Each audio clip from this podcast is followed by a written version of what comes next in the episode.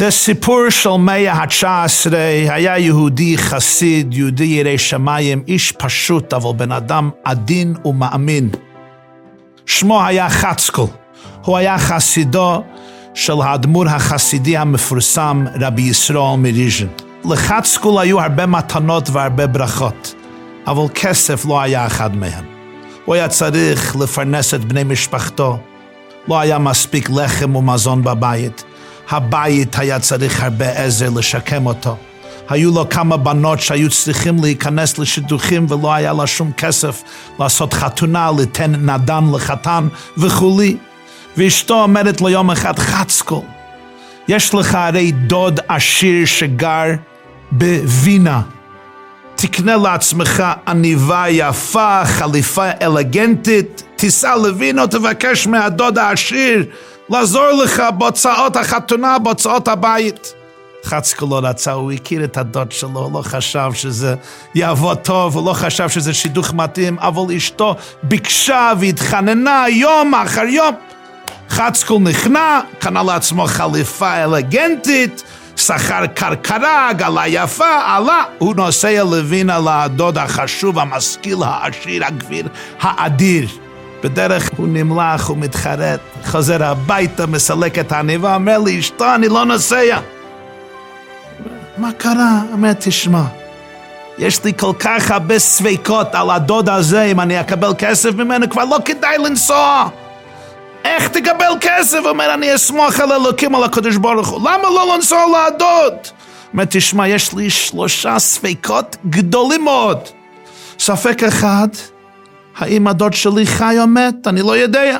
ספק שני, אפילו אם הוא חי, האם הוא עשיר? אולי הוא הפסיד את כל הכסף. ספק שלישי, אפילו אם הוא חי ואפילו הוא עשיר, מי אומר שהוא ייתן לי אפילו פרוטה אחת? אבל הקדוש ברוך הוא, הוא אומר ביידיש בניגון, der Eberster, er lebt, er ist reich, und. עם הקדוש ברוך הוא אין לי שום ספק, דבר אחד אני יודע שהוא חי לעד וקיים לנצח. דבר שני, אני יודע שהוא עשיר, לי הכסף ולי הזהב נאום השם. ודבר שלישי, אני בטוח שהוא יעניק לי. נו, אשתו הגביה את עיניה לשמיים.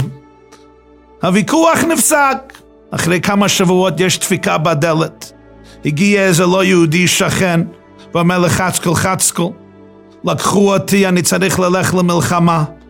אני לא נותן אמון באף אחד, בך אני נותן אמון, יש לי אוצר גדול, בהגינה מאחורי הבית. אם אני לא חוזר לאחרי חודש, אני אבוד, נהרגתי, האוצר שלך. האיש הזה עזב את הבית, לאחרי חודש, הגוי הזה לא חזר. חצקול הולך לגינה שלו, חופר, מגלה אוצר באדמה, אוצר מדהים. הוא מתמלא שמחה, אבל אחר כך הוא חושב, הוא היה יהודי מאוד אמיתי. הוא אומר לעצמי, אולי אני גנב, איך אני יכול לקח את כספו של מישהו אחר? ומה אם הוא יחזור לאחרי חודשיים, לאחרי שנה, לאחרי חצי שנה? איך אני יכול להיות בטוח שהכסף הזה מגיע אליי? הוא לא יודע מה לעשות. הוא מחליט לנסוע להרבר שלו, להרב הקודש רבי ישראל מריז'ן. הוא נוסע לריז'ן, הוא נכנס להיכל קדשו של רבי ישראל מריז'ן, והרבה מסתכל עליו, מחייך, ואומר בניגון ביידיש, Der Eberste lebt, der Eberste ist reich und der Eberste hat gegeben. האלוקים חי, האלוקים הוא עשיר, והאלוקים העניק לך. נקודת החג של חנוכה זה האמונה והביטחון. כשהחשמונאים התחילו ללחום נגד היוונים, לא ידעו איך זה יסתדר. כשהדליקו את השמן בהמנורה, לא ידעו איך זה יסתדר. אבל הם ידעו שלושה דברים. Der Eberste ist reich und der Eberste wird geben. אלוקים הוא חי לעד וקיים לנצח. לי הכסף ולי הזהב, והוא בוודאי יעניק.